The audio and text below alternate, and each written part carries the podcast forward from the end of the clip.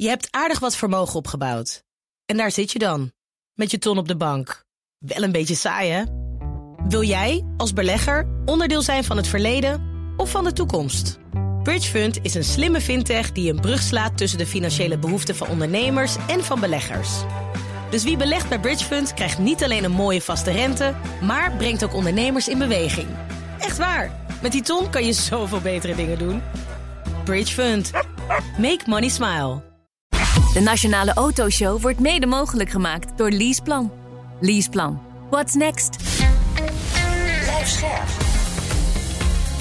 BNR Nieuwsradio. De Nationale Autoshow. Meindert Schut en Wouter Carson. In hoog tempo komen Chinese automerken naar Nederland. Straks hoor je meer over de introductie van NIO. Maar we beginnen deze aflevering met de autobeurs van Paris.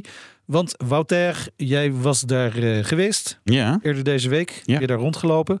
Was het leuk? ja, maar er waren ook een hoop merken niet. En dan moet ik Renault echt eh, chapeau, die stond er wel. En stuur ook echt persbegrijp. We love eh, autoshows. Eh, moet je zijn. ja, ja, nou ja, maar goed, er waren andere Franse merken die er dus gewoon niet waren. Dus dat vond ik ook wel wel een beetje, ja, en die wel nieuws hadden en die dan Ah ja. later een keer. Oei. Ja, nou, ja, het is gewoon niet handig, weet je.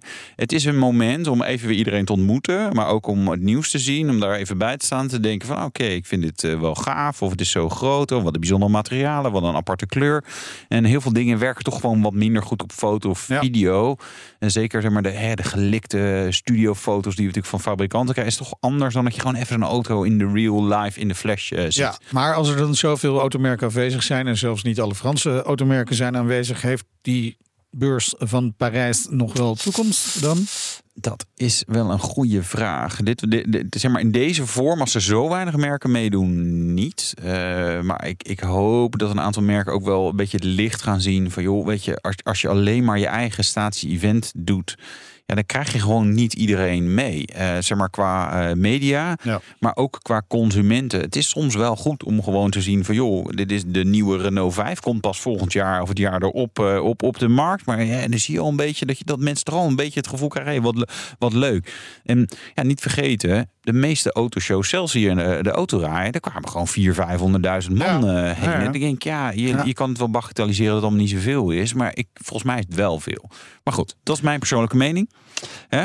Ja, en, en er staan altijd primeurs. Straks bespreken we ook een paar belangrijke primeurs eh, Ja. op eh, de Autosalon van Parijs. Maar eerst aandacht voor Renault. Ja. Het eh, Franse automerk pakte wel flink uit hè, op die be- autobeurs. We gaan erover praten met Laurens van den Akker, Executive Vice President Design bij de Renault Groep. Verantwoordelijk voor de ontwerpteams van de merken Renault, Dacia, Alpine en Mobilize. Ja, mobilize. Mobilize? Ja, ga je dat dan Frans uitspreken? Dag Laurens, fijn om je weer even te spreken. Dag Meindert, dag Wouter. Ja, een autobeurs op Franse bodem, die kunnen jullie blijkbaar in ieder geval niet laten schieten. Nee, dat klopt. Voor ons was het natuurlijk een eh, thuiswedstrijd. Ook al, eh, zoals Wouter net zei, er heel veel merken niet aanwezig waren, eh, was het voor ons toch belangrijk om, ons om onszelf te laten zien. Kijk, mensen gaan naar een motorshow om hun merk te bekijken. Wat zijn de tweede, wa- wat zijn de nieuwe modellen die eruit komen? En ze gaan er ook naartoe om even te dromen. Dus we hebben echt geprobeerd om aan deze drie criteria te voldoen, zeg maar, met al onze merken. Ja, en is het dan voor jou en de designteams nog belangrijk hoe mensen reageren op die auto's die op die beurs staan? Nou, ik denk dat het wel. eh, het is voor ons eh, ontzettend leuk om eh, op de beurs te zijn. Het voelt een beetje als een reunie, om eerlijk te zijn. Na vier Ja. jaar geen eh, autoshow te hebben gehad. Dus het, het was zelfs leuk om alle journalisten weer te ontmoeten. Zelfs, zelfs, Zelfs. die. Zelfs Wouter dus. Bedankt hè. En aardig doen als ik erbij stond. Joh. Oh nee, wat leuk dat je er weer bent. Nee, dus we hebben jullie gemist. En eh, het, is ook, het blijft altijd natuurlijk leuk om ook op een publieke dag te gaan, weet je wel? Om gewoon te kijken hoe eh, een vader met zijn dochter of met zijn zoontje met een plastic zak vol folders eh, naar de nieuwe auto staat te kijken. Dus het is ook, eh, denk dat het belangrijk is. We doen het niet alleen voor de pers, met alle respect, maar je doet het ook voor het publiek.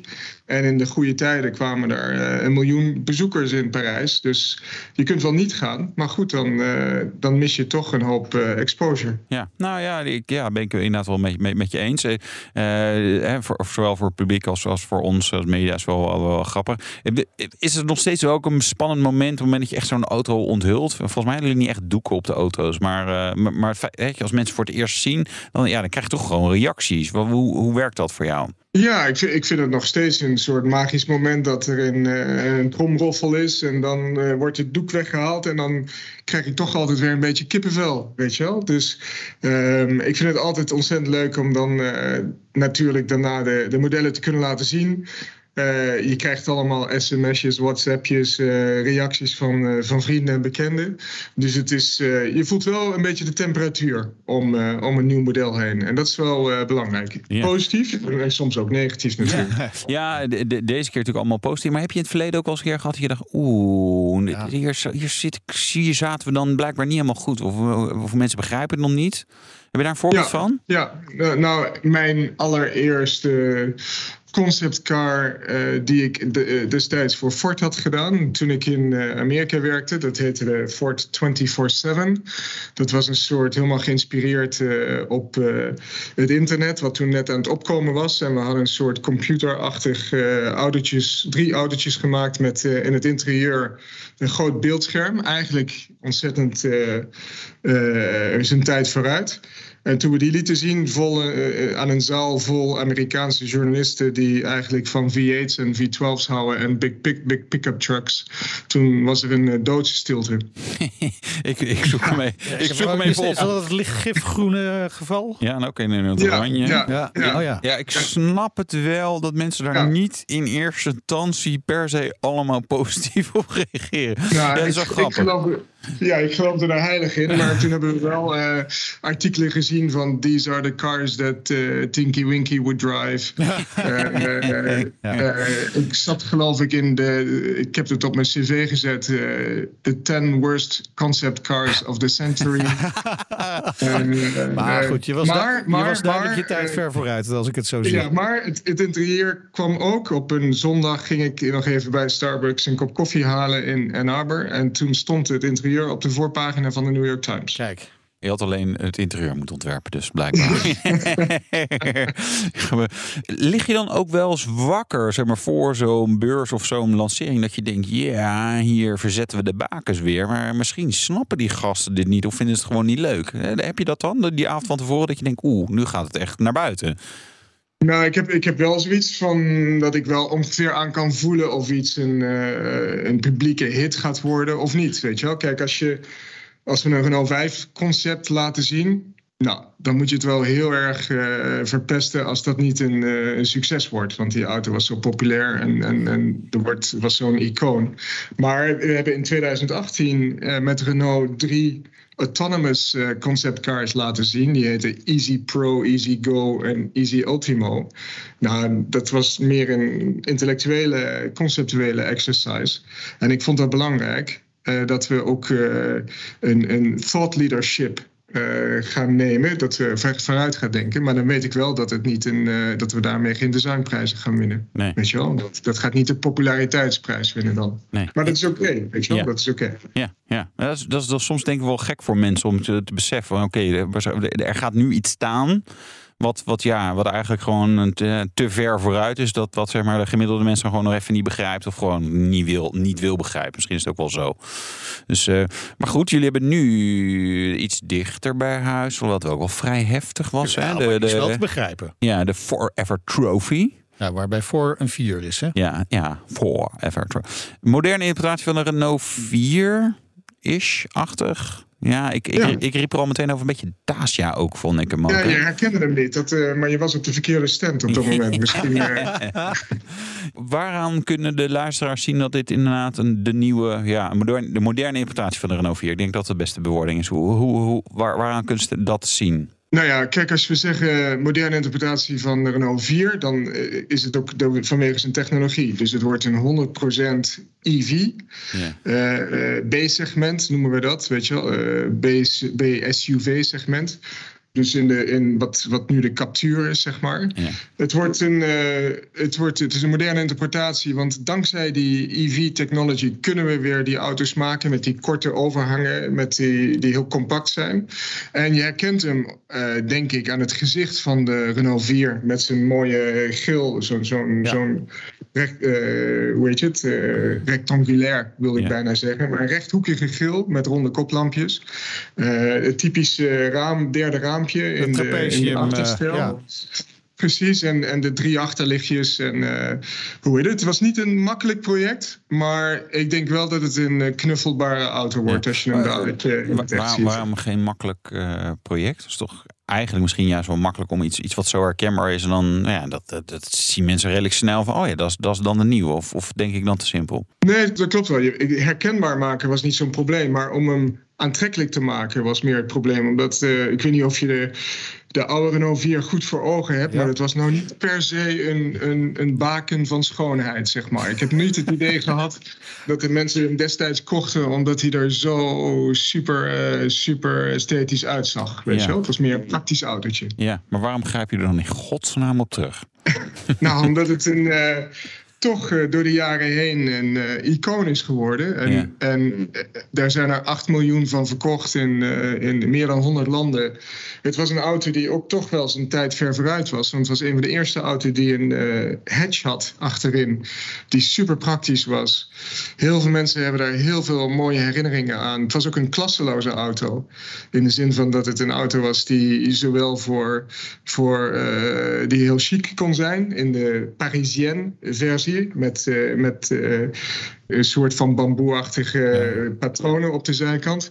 Het was een auto die ook door farmers gebruikt werd om, om door het platteland te rijden. Het was een auto die ook in de stad goed thuis was. Het was het tweede autootje van een familie. Weet je wel, het was een auto die toch een onderdeel was van het gezin heel veel verschillende gezichten had. En, en die toch heel veel uh, attachement, zeggen ze zo mooi in het uh, Frans, heeft gecreëerd bij de, Ja. diegene. Ja, dus het Het was moest- ook een auto, denk ik, waarmee uh, half Nederland mee op vakantie naar Frankrijk ging, weet je wel. ja. Er is ook wel een trophy-versie van gemaakt, hè? Van, van die oude Renault 4 volgens mij. Ja, klopt. Het was, dat is precies 25 jaar geleden. En dat vonden we een mooie, een mooie ah, gelegenheid. Omdat het, de 4L Trophy was voor, voor studenten. Eigenlijk onder de 28 jaar. Die schoolspullen brachten naar, naar eh, dorpjes in Afrika. Weet je wel. En daar gebruikten ze deze Renault 4 voor. En dat was niet een race op gebied van snelheid. Maar het was eigenlijk een soort eh, humanitaire actie. Ja. Dus we vonden dat wel een mooi gebaar. Het is Ja. een altruïstische auto. Kijk. Duurt nog wel even. hè? 2025, eh, dan zou die moeten komen. Zo'n conceptcar als deze zit dan nog niet heel dicht tegen productie aan, of wel? Nee, het- zeg maar de bovenste helft eh, is wat je in productie gaat krijgen. Zonder die vijfde band op het dak, Ja. zeg maar. En de onderste helft eh, is wat ik er zelf ooit eens in mijn garage onder ga sleutelen. oh, mooi. Oh, dat is makkelijk. Ja, ja, ja. En, en eh, opvallend detail of de, de Renault, het, Re- het Renault-logo in de grill is verlicht. Eh, waarom is dat zo en blijft dat zo? Nou, eh, dat is iets wat, we, wat, wat eh, heel veel designers al heel lang willen doen. Maar eh, de wetgeving heeft ons tot nu toe dat belet. Maar er zijn nu nieuwe regels in, eh, in Europa aan het komen waarmee eh, het geoorloofd is om je, je logo te verlichten. Ja. En ze wilden het aanvankelijk niet doen omdat je daarmee eh, ongewenst reclame maakt. Maar, maar dat, eh, dat wordt nu weggenomen. En dat is natuurlijk voor ons eh super mooi. We hebben een super mooi logo, we hebben hem net vernieuwd. En die kans konden we niet voorbij laten gaan. En het geeft ook een hele nieuwe moderne moderniteit, weet je wel, aan het, aan het gezicht van Ja. de auto. Dus dat blijft dan ook waarschijnlijk als de wetgeving inderdaad gaat veranderen. Nou, tussen nu en 25 kan er nog een hoop gebeuren. Zoals je weet, eh, de wereld is op dit moment redelijk chaotisch. Maar ik hoop dat ze, dat ze dit eh, eh, vergeten. Ja, precies. Ja, het zou wel echt eh, gaaf zijn. Dat, dat gaat dan ook wel navolging krijgen, ongetwijfeld bij heel veel andere merken. Dit gaat om de, om de Renault 4, natuurlijk een iconische auto. Eh, ook de terugkeer van de Renault 5 is al aangekondigd. Die komt wel eerder, hè, 2024. Hoe ver zijn jullie met dat model? Nou, dat model is in kannen en kruiken. Eh, we hebben het prototype laten zien, het, de prototype concept, ook op de, op de beurs in Parijs, mocht je er nog komen. En het wordt, nou, 96% identiek aan dit eh, concept. Dat klinkt heel makkelijk, maar het is niet zo eenvoudig te, te, te verwerkelijken. Maar het is ons echt gelukt met uh, enorm veel hulp van, uh, van de engineers. En uh, enorm veel push van Luca de Meo, de nieuwe, de nieuwe CEO. Of nou, nieuwe CEO sinds twee jaar. Die helemaal gek is, gepassioneerd van auto's. Dus hij is wel echt een, iemand die, die allemaal deuren die dicht zijn voor ons openbreekt. Ik vind de foto erg mooi. Jij bent er, je hebt hem ja, aangeraakt, gesnuffeld. Ja, ja, ja, aanraken mocht dan net niet. Maar uh, nee, ik wil naast staan en daarbij zei ik inderdaad ook van... nou, wel vrij heftig qua dagrijverlichting en zo. Maar uh, dat, dat, dat, soort details, daar, daar ging je me mee verrassen, geloof ik, uh, Laurens. Dus ik, we zijn wat dat betreft oprecht benieuwd. Terechte vraag, denk ik wel. Je grijpt nu terug op Renault 4 en op de Renault 5. Waarom willen jullie zo graag terug naar die, die roots van Renault? Die ook wel weer echt verleden zijn. Hè? Renault 5, jeetje, wanneer, uh, wanneer is die gelanceerd? Dat is, dat, dat is wel even. Weet je, we hebben al een hele tijd de Clio. Dus waarom die hang naar, uh, naar de historie? Kijk, we werken natuurlijk altijd aan, aan onze iconen die in onze schatkist zitten. Dus we hadden een model staan uh, van de Renault 5. Van dat we dachten destijds, misschien kunnen we daarmee twee vliegen in één klap vangen. Misschien kunnen we daarmee de, de, de Twingo en de Zoe vervangen met één auto. Elektrisch. Ja. En het, het mooie van een elektrische uh, powertrain is, is dat hij heel erg compact is. Dus je kunt de proporties krijgen van een Renault 5. Dat zou ja. met een normale uh, uh, benzinemotor niet kunnen. Want dan heb je een, een, een front overhang, wat we noemen. Dan zou de neus 100, 150 mm langer moeten worden. Dus het was eigenlijk een kans met, om door middel van een EV een Renault 5 te maken. En toen Luca de Meo kwam. Uh, hij is onder andere bekend, niet alleen hoor, maar onder andere bekend van dat hij de Fiat 500 gelanceerd heeft bij Fiat, wat een enorm succes was. En ik voelde aan mijn water zeg maar, dat hij iets zocht waarmee hij meteen een impact kon maken en meteen de harten kon veroveren van uh, de mensen die uh, iets hebben met Renault. Ja. En dus hij kon die kans niet aan zich laten voorbij gaan, gelukkig. Nee. Ja, Fiat 500, daar hou je het, uh, het succesvolle retro design uh, op bak uh, verhaal aan. Maar er is ook de Volkswagen Beetle, is wat minder goed gelukt. Ja. Heb je daarnaar gekeken en zeggen ah, wat moeten we wel, wat moeten we niet doen? Want ja, niet ieder teruggrijpen op historie gaat goed. Nee, dat klopt. En uh, ik heb uh, mijn eigen ervaring gehad met uh, Alpine A110, wat ja. gelukkig wel goed is verlopen. Ja. Kijk, de kunst van dat soort auto's is dat het. Het moet een brug slaan tussen het verleden, maar ook een brug slaan naar de toekomst. Het kan niet een eindstation zijn. En dat is vaak de moeilijkheid. En you know it when you see it. Weet je wel? Het zijn auto's waarvan je meteen weet dat is hem of dat is hem niet. Er is geen discussie over, want iedereen heeft in zijn hoofd een, een beeld van wat, wat zo'n opvolger moet zijn. Nou, bij de Renault 5 kan ik je verzekeren, iedereen die hem heeft gezien, het was gewoon een slam dunk. Weet ja. je wel? En de Renault 4 hebben we nog een beetje gecamoufleerd. Ja omdat het nog, een, nog iets te vroeg is om hem uh, volledig te laten zien. Maar dat gaat uh, ongetwijfeld komen. En dan hopen we, hopen we dat, uh, dat het een vergelijkbaar succes wordt. Ja. Gaan er nog andere iconische Renault-modellen terugkomen? Jijn. Jijn. Welke zou jij terug laten komen, Wouter? Je even te denken. Velsatis. Ja, dat is. Uh, hebben, ja. we hebben een, een schilderachtige collectie van, uh, ja, van iconen. Zeker. Maar je moet wel goede smaak hebben. Dus. Ah, kijk. Dus. Ja. En niet alles is even leuk wat er in het verleden is gebeurd. Nee. Dus even te denken. Ik, ik, ik, heb iets in mijn hoofd, maar ik moet even bedenken welke dat ook Oké, okay, dan stel ik onder, ondertussen even andere vragen. Want we gaan even naar die andere merken van de Renault groep kijken. Uh, Dacia pakt uit met nieuwe visuele identiteit hè, en een concept car. Uh, nieuw logo. Hey, wacht, wat, Renault wat? Fuego. Dat vind Fuego. ik wel leuk. Ja. nou, succes, Laurens. Daarmee. Zo. ja. Het is een goede naam. Ja, ja dat wel. Ja, Avantim. Ja, Avantim. Die hebben we ook nog. Ja. Uh, nou, wel laten we daar Dacia gaan. Dacia. Ja? De Manifesto Concept. Met een nieuw logo. Ja, dit was, uh, dit was eigenlijk een, uh, een, een world premiere, zoals dat zo netjes heet. Eigenlijk de eerste keer, of bijna de tweede keer misschien, dat Dacia echt met een conceptauto uh, komt. En we vonden dat wel mooi, want we hebben nu net een nieuw logo ontwikkeld voor, voor Dacia. Een heel stoer logo, wat veel goed past bij het robuuste outdoor imago wat Dacia wil, wil communiceren. Het lijkt een beetje op eh, een, een Chanel-logo. Dus, maar we zijn iets goedkoper. Dus, nou, voor de dus prijs van één tas heb je ook een auto. Dat, Maar, dat kan maar- wel maar deze, manifesto lijkt wel een beetje ontworpen voor de eerste mensen die naar Mars gaan. Ja, het, is een, het was bedoeld als een auto die echt eh, terug naar de essentials laat zien. Dus alleen nodig wat je nodig hebt om te overleven of om eh, reddingsactie te doen of om eh, mensen te begeleiden als ze in de outdoor gaan. Dus je hebt een hoop, het is eigenlijk een soort bron van inspiratie voor, voor al onze modellen. Eh, dus het wordt eigenlijk een soort, het is een soort eh, fruitbak met allemaal leuke ideeën erin, waaruit eh, de komende Dacia's eh, van kunnen genieten. Dus je hebt, eh, je hebt eh, ehm, hoe noem je dat? Eh, luchtloze banden. Die, die dus geen binnenband hebben, maar die gewoon eh, massief van rubber zijn met allemaal gaten erin. Dus, waardoor er ook een automatische invering in- ontstaat. Je hebt eh, geen deuren, geen front windows, geen vooruit, geen achteruit. Geen GPS. eh, er zitten een hoop dingen niet in. Maar Nee. wat je wel krijgt is een supercool eh outdoor buggy.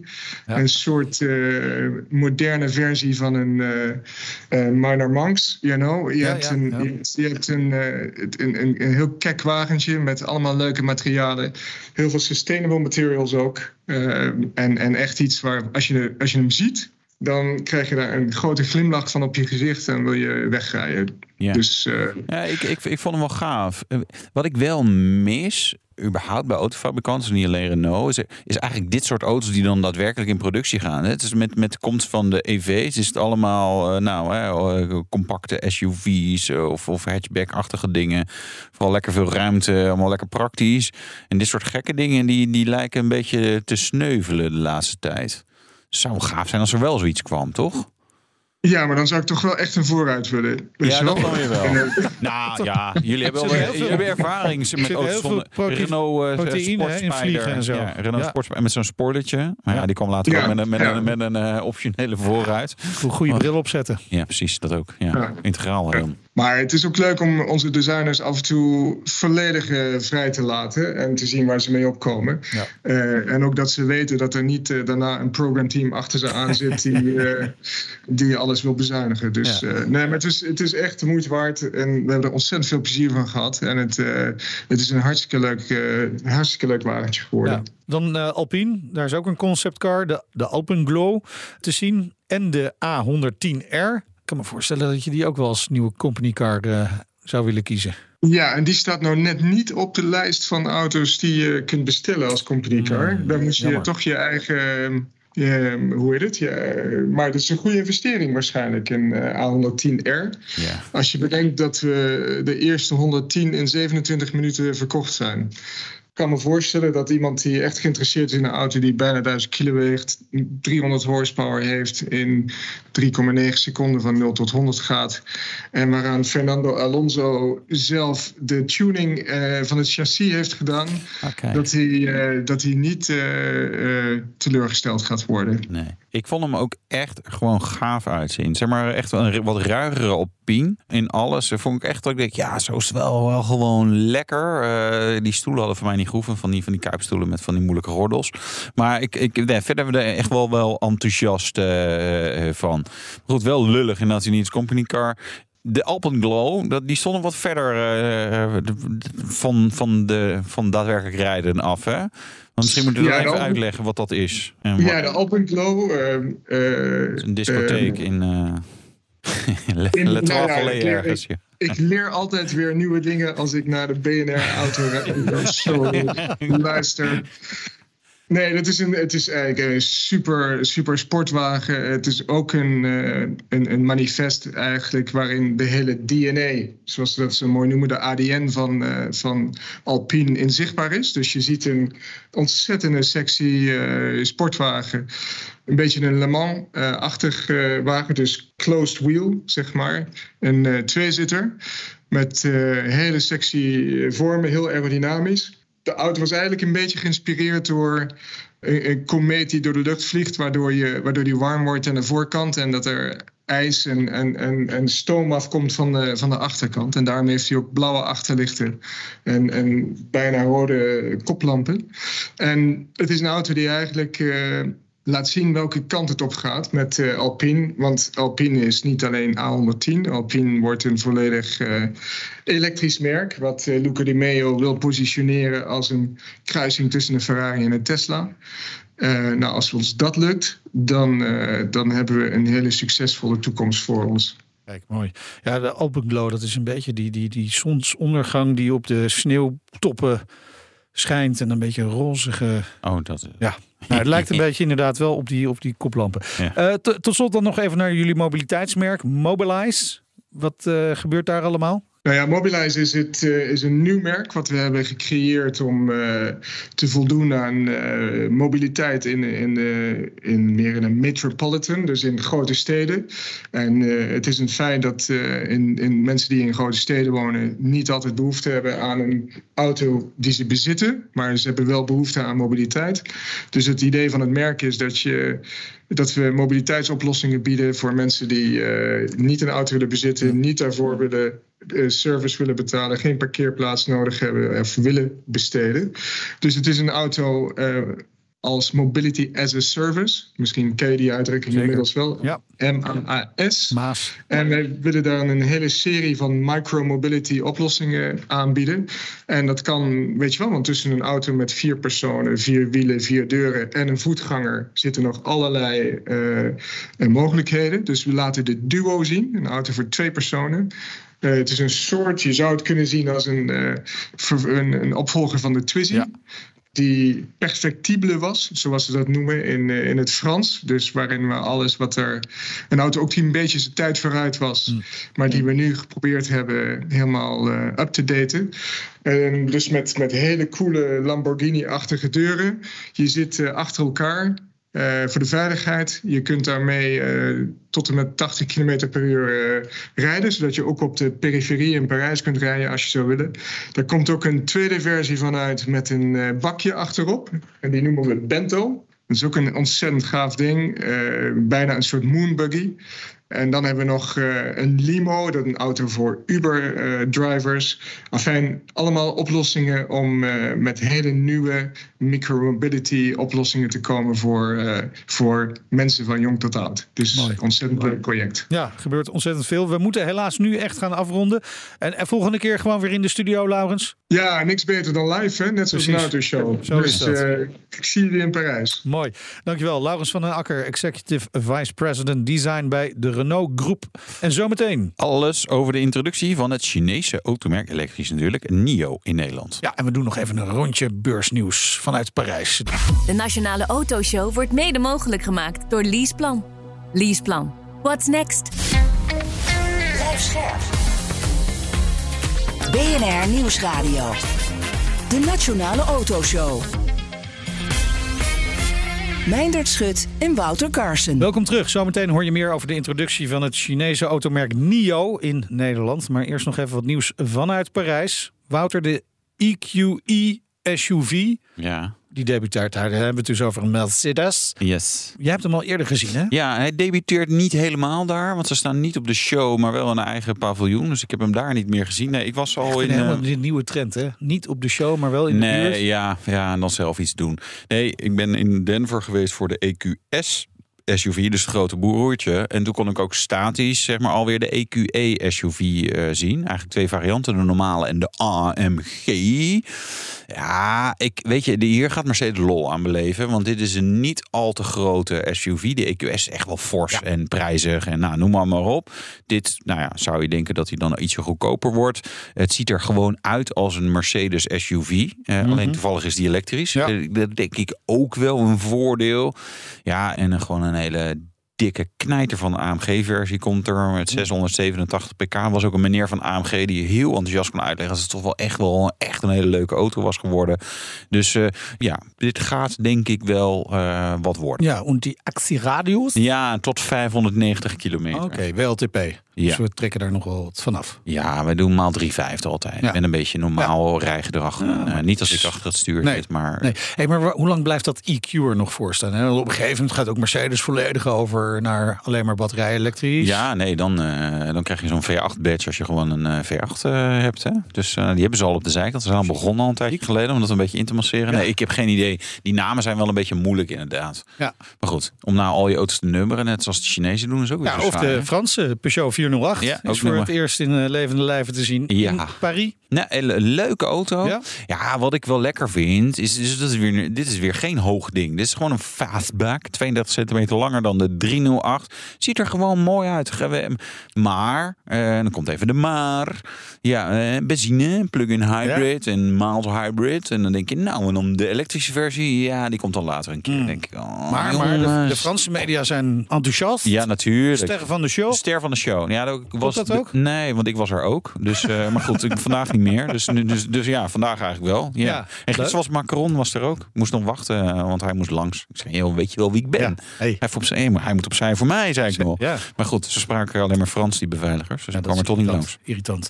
Eh, Jeep dan onthulde een elektrische mini-SUV. Ja, de Avenger. Mooi. Ja, vond jij mooi? Nee, ik vind de naam mooi. Ja. ik, Sorry. Nou, ik vond hem, ik zag hem in het echt en dacht ik, hm, ja, wel, dit is wel Wel leuk. Ja, hij klopt wel qua proporties. wel echt de Jeep styling. Ja, het is natuurlijk een, eh, een mini ding, hè, dus hij is niet zo groot. Dus kijk, ik, ik denk bij de Jeep. eh, maar dan is hij dus alleen maar hoog vanwege het batterijpakket. ja, hij is niet super hoog. Dus het is gewoon qua formaat. hoog. Ja, medium hoog. Medium hoog. Net Middel. zoals met sneakers heb je dat ook. Ja, ja, dus net Mid, niks. High, ja, dan breek je, breek je alsnog je enkel als je, als je iets verkeerd doet.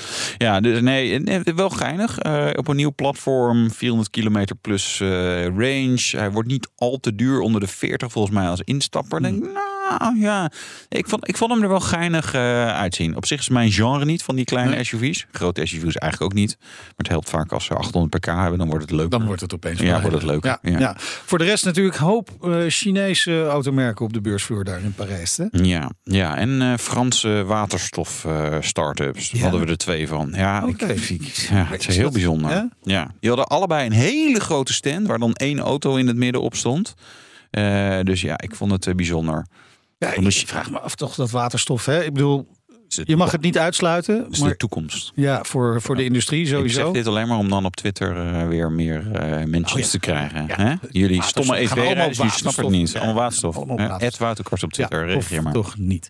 Ja, maar was je nog ergens van onder de indruk van de Chinese merken? Ik vind het een beetje moeilijk. Weet je, er stond ook een Vietnamees merk, Finfast overigens. Ja. Ze hebben natuurlijk allemaal geen identiteit om op terug te grijpen, geen historie. Eh, ze hebben eh, bijna allemaal zeg maar, een soort van vergelijkbare dingen die ze gaan doen. SUV's, compacte en grote en kleine. En denk ik, ja, ja ik, ik, ik weet het niet. Je moet er vooral zeg maar, echt vaart gaan maken om, om het verhaal goed te vertellen. Nou, Over Chinese automerken gesproken. Ik heb een leuke dat- verrassing ja, voor je, Wouter. ja. Na de grote Europese presentatie twee weken geleden in Berlijn is NIO deze week gelanceerd in Nederland. En te gast is Ruben Keuter, General Manager NIO Nederland. Welkom. Ja, dankjewel. Ja, de eerste auto's zijn ook afgeleverd. Een Chinees merk voor de duidelijkheid, Wouter. ja, Chinees. Ja. elektrisch ook. Elektrisch, Chinees merk. Eh, jullie laten er geen gas over groeien, hè? Nee, dat klopt. En, eh, je zegt Chinese merk, leuk. We zijn eigenlijk geboren vanaf het begin echt als, eh, als een global brand. vanaf de ja, foundation van William Lee. eh, gelijk gelist aan de New York Stock Exchange. Ja. En design in München onder andere. Door Chris Thomason. Dus onze ouders zijn ook echt in Europa geboren. En denk ik ook leuk te vertellen, we bestaan acht jaar. En eigenlijk de eerste vier jaar hebben we ons alleen gefocust op eh, performance kennis. Ja. We begonnen in de Formule I. Vervolgens de IP9 ontwikkeld, waarbij we natuurlijk het record op de Nürburgring eh, verbroken hebben. Ja, ja en dan eh, komen jullie nu met de ET7. Ja, onder andere. Ja, Zijn, dat is eh, echt een topmodel, hè? Ja, sedan. eh, Dat is een eh, topmodel sedan. We hebben ook een eh, SUV. Ik hoor je net de spreken over, over Nee. AMG's. hè. Ik hoor dat het hart gaat harder kloppen. meer dan 650 pk. Nou, dat zijn bij de ET7 en de IL7 is dat standaard bij NIO. Ja, dus dat belooft wat. Absoluut. Ja, Absoluut. toch? Ja. Ja, meer pk is altijd beter. Ja, aan de andere kant, ja, eh, daarin kan je natuurlijk ook weer tegenaan. Maar wie van de normale mensen op de wereld heeft er behoefte aan eh, meer dan 400, 500 pk eh, in een EV? Weet je, het is. Wat zijn wij niet Ja. normaal? nee, ja, nee. Oh. Nee, je bent, Oh. sorry man, je bent Oh. niet normaal. Hmm. Nee. Nou, Je vrouw eh, zei het laatst ook nog. Nee, je bent niet normaal. Ah, ik denk, ik denk Wout, hè, we spreken uiteraard een, de- een brede doelgroep aan. Ik denk dat je vooral een keer moet gaan proberen. Ja. Ik denk dat het belangrijk is om te ervaren. Ja. We hebben eh, net een weekend achter de rug met de introductie lokaal ook in Nederland. Mhm. En meer dan 200 mensen mogen ontvangen. Die hebben allemaal kunnen rijden. Ja, die komen stuk voor stuk toch heel enthousiast weer binnenlopen. Dus eh, ervaren is, eh, Ja. is absoluut een must. De, de, de- die, eh, de ET7 of ET7, ET Phone Home moet ik heel veel denken. Wat, wat is het voor auto? Neem ons even mee. Want ik, ook zelfs ik heb inmiddels moeite om al de, alle Chinese nieuwkomers een beetje uit elkaar te houden. Ligt aan mij natuurlijk, dus niet ze aan zijn jullie. al acht jaar, hè?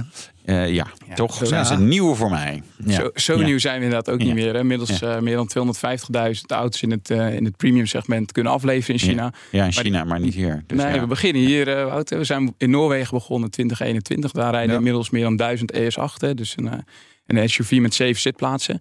Maar de IT7 is de eerste auto die naar Nederland komt. Het is ook het eerste model op het NT 2.0 platform. Dus Ja. het nieuwe platform van NIO.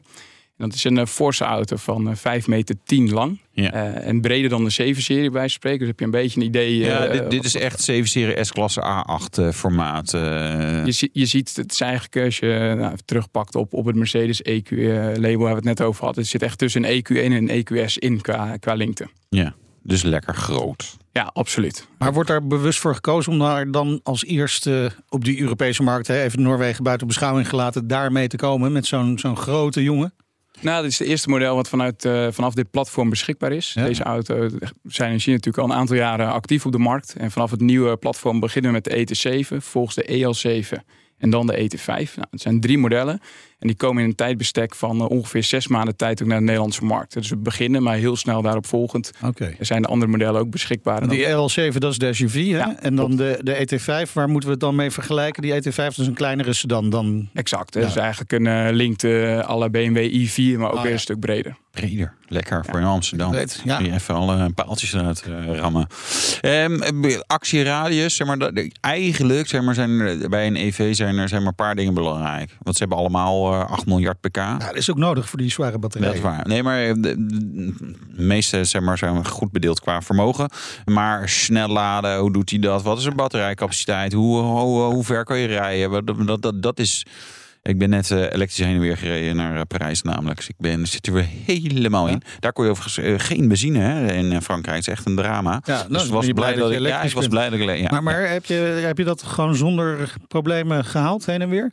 Of moest je tussendoor nog even ergens... Ik heb eh, vier keer snel geladen. Of Vier zeg maar, keer? Ja, vier keer heen en weer Parijs. Moet vier keer snel laden. Oké, dat vind Kon je de laadsnelheid een beetje aan wat beloofd wordt dan? Eh, die, ja, begin, ja, in het Ja, het begin, begin, ja, maar die wel. ja, maar die terug. laadcurve, we hebben de- dus dit, dit, ja, moi, Renault dat is Megane voor de Electric. veiligheid, hè? mm, Het is om je Ja, batterij te beschermen. Ja, dat hij niet in de fik vliegt. Ja. Ja. Ja, laten we hem dan maar een keer in de fik vliegen. Want, ik red het toch maar, ik red het toch niet zo lang.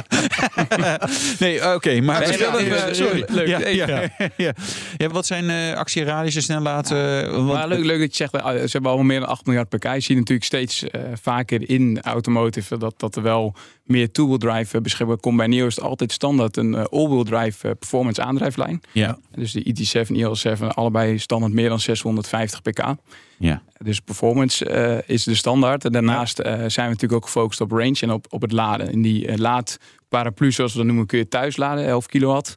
Nou, dat is vrij de standaard in Nederland. Het laat je ongeveer in 7 uur thuis de auto van 0 tot 100 procent op. Ja. Je kunt snel laden, 10 tot 80 procent in ongeveer 30 minuten. Met een Ja. piek van 140 kW. En uiteraard ons unieke concept batterij wisselen. Ja. ja. En dat gaat ook absoluut naar Europa komen. En daarmee Ja. kun je in vijf minuten voorzien worden van een Ja. nieuwe batterij. ja. En dat Ja. is wel uniek. Ik heb wel een soort déjà vu, zeg maar. Was het de Better Place of Better, Better- World? Better Play. Place. Better Place. Ja, het zit nog eh, goed op je geheugen. Dat Ja, tien jaar geleden. eh, Eh, Renault Fluence, eh, hier eh, Schiphol. Ja, ja. Ik, eh, ik ken ook degene die erbij betrokken was. En die, moest er zelf, die moet er zelf nog- ook nog steeds om lachen. Het is wel een moeilijk concept, batterij wisselen. Want ja, ik denk dan dat van hoeveel batterijen heb je dan daar liggen? Dat kost goud geld en, eh, en ja, in- ingewikkeld. Dus hoe serieus is dat? Nou, ik denk twee, tweeledig gelden. Eerst op de laadsnelheid. Uiteraard kunnen auto's steeds sneller laden. Maar we zien ook dat het net natuurlijk overbelast raakt. En eigenlijk niks is minder slecht dan een auto die komt snel laden. Piekbelasting in het net. Ja. Daar kun je wel eens met een netbeheerder eh, uren over praten. Met die batterijwisselstations nemen we dat eigenlijk weg. Want we laden die batterij op constante snelheid, eh, in de ideale Ja. temperatuur. Dus enerzijds kun je die batterij Lekker dus. levenscyclus Ja. enorm lang eh, verlengen. Ja. Anderzijds biedt zo'n batterijwisselstation ook nog voordelen voor energieservices. En we kunnen bijvoorbeeld nu in een battery swap station 13 batterijpakketten neerleggen. We zijn met één bezig, zelfs met 20 in China. Nou, stel je hebt 20 batterijpakketten van 100 kilowattuur, dan heb je 2 megawatt aan energie. Ja. En met grid service kun je dus overdag energie opnemen als er overcapaciteit is op de, op de markt. Eh, En in de toekomst zelf weer terugleveren. Dus Ja. eh, prioriteit 1 van de batterijwisselstations is uiteraard om onze users tegemoet te komen voor een batterijwissel. Ja. Maar tegelijkertijd kunnen we ook heel veel service gaan aanbieden in die energietransitie en ook ja, de energiecrisis waar we nu in zitten. Ja, dat is natuurlijk op zich wel interessant. Maar terwijl, het voelt wel als een omslachtige manier. Want uiteindelijk heb je natuurlijk een soort tegengestelde belang. Hè? Je moet zeg maar, altijd die accu's allemaal volgeladen. Want stel ervoor, er komen 20 NIO-rijders. Eh ik mag hopen dat je 20 auto's gaat verkopen zeg maar, in Nederland. Eh, dan, dan We zijn, we zijn al goed op weg. ja, dan zijn al die accu's op. Maar eh, de netbeheerder zegt, nou, ik wil nu even een beetje balanceren dat net. Dus je- weet je hoe dat botst met elkaar natuurlijk. Ja, je hebt altijd natuurlijk een aansluiting in zo'n eh, battery swap station. Dus Ja. je kunt altijd laden. Ja, Alleen eh, het heeft natuurlijk aan tegen welk tarief ga je die batterijen laden. En da- dat kunnen optimaliseren. Ja. Eh, maar de bedoeling is uiteraard altijd, we zien exact. eh, en even voor je beeld, in China hebben we inmiddels meer dan 13 miljoen wissels uitgevoerd. Dus het is niet meer een Nee, pilotproject ja. wat we tien jaar geleden hadden op één locatie. Eh, dit, eh, we staan inmiddels meer dan 1100 van die stations. eh, Ja. Dus je, Dus dus je kunt ontzettend snel, je kunt heel snel laden. Je kunt ook langzamer laden. eh, je kunt de batterij verwisselen. Hoe snel gaat dat, zo'n bat- battery swap? Dus het wisselen zelf is drie minuten. Inclusief, want je rijdt eigenlijk voor het station. Je klikt op de activatieknop, dan rijdt hij er autonoom in. Dus inclusief het in- en uitrijden is het vijf minuten. En hoe ver kun je dan rijden met een volle accu? Ja, het ligt natuurlijk een beetje aan welk model eh, je kiest. en de IT7 gewoon even waar we de eerst mee IT7, komen. ja? Eh, Die heeft eh, met een 100 kilowattuur een WLTP van 580 kilometer. Oké. Eh, en dan nogmaals, altijd met een eh, performance aandrijflijn. Dus als je dat vergelijkt in het segment met een all-wheel drive eh, performance aandrijflijn, ja, dan zul je zien dat dat heel competitief is. Nou, en, en, en sowieso eh, alles 500 plus eh, voor, eh, word ik altijd wel gelukkig van. Want weet je, je moet er gewoon best wat aftrekken. Wil je een reële range hebben? En jij vroeg naar mijn avonturen naar Parijs. Ja. Maar ja, je gaat ze niet... je laat snel tot 80 procent. En je moet een beetje, een beetje ruimte overhouden als je En gaat als snel laden. gewoon een beetje rustig had gereden, dan had je het ook met één keer laden kunnen halen Ja. waarschijnlijk. Maar 108, oh, eh, eh, 158 km per uur rijden op Franse peage kost maar 90 euro. Dus eh, weet ik uit ervaring. Ja, ik kreeg ook een reçu zeg maar, via de mailstraat van, waar? van gendarmerie. Er stond gewoon geen, price gewoon. gewoon geen, geen bedrag op. Nee, oh. oké, wel fijn dat ik cashje Mag je zelf invullen. Nee, nee, nee. Ja, ja dat eh, nee. dus, Wat vond jij deze boete waard? ja, Wouter? nou, Ja. ik vond, nou, ik vond niet irreëel. En ik reed, eigenlijk reed ik harder. Want die uh, Megane die is begrensd op 160. Ik reed 164 of zo volgens mij, dacht Ja, ik. Maar zij dacht Oké. 158. Oké. Het laden van een accu gaat sneller nog. Ja, nog sneller. w- wanneer komt dat eerste laatste station, dat, dat, dat wisselstation? Dit jaar, Dit jaar. En Ja. waar, waar gaat die komen? in het midden van het land. Utrecht. Ja, dus. we zijn nu met meerdere stations bezig. Ja. En, eh, maar de eerste gaat absoluut En hoe, hoeveel, hoeveel zouden er moeten komen in Nederland? Ja, we hebben eh, tot 2025 willen duizend stations buiten China hebben. Een merendeel in Europa.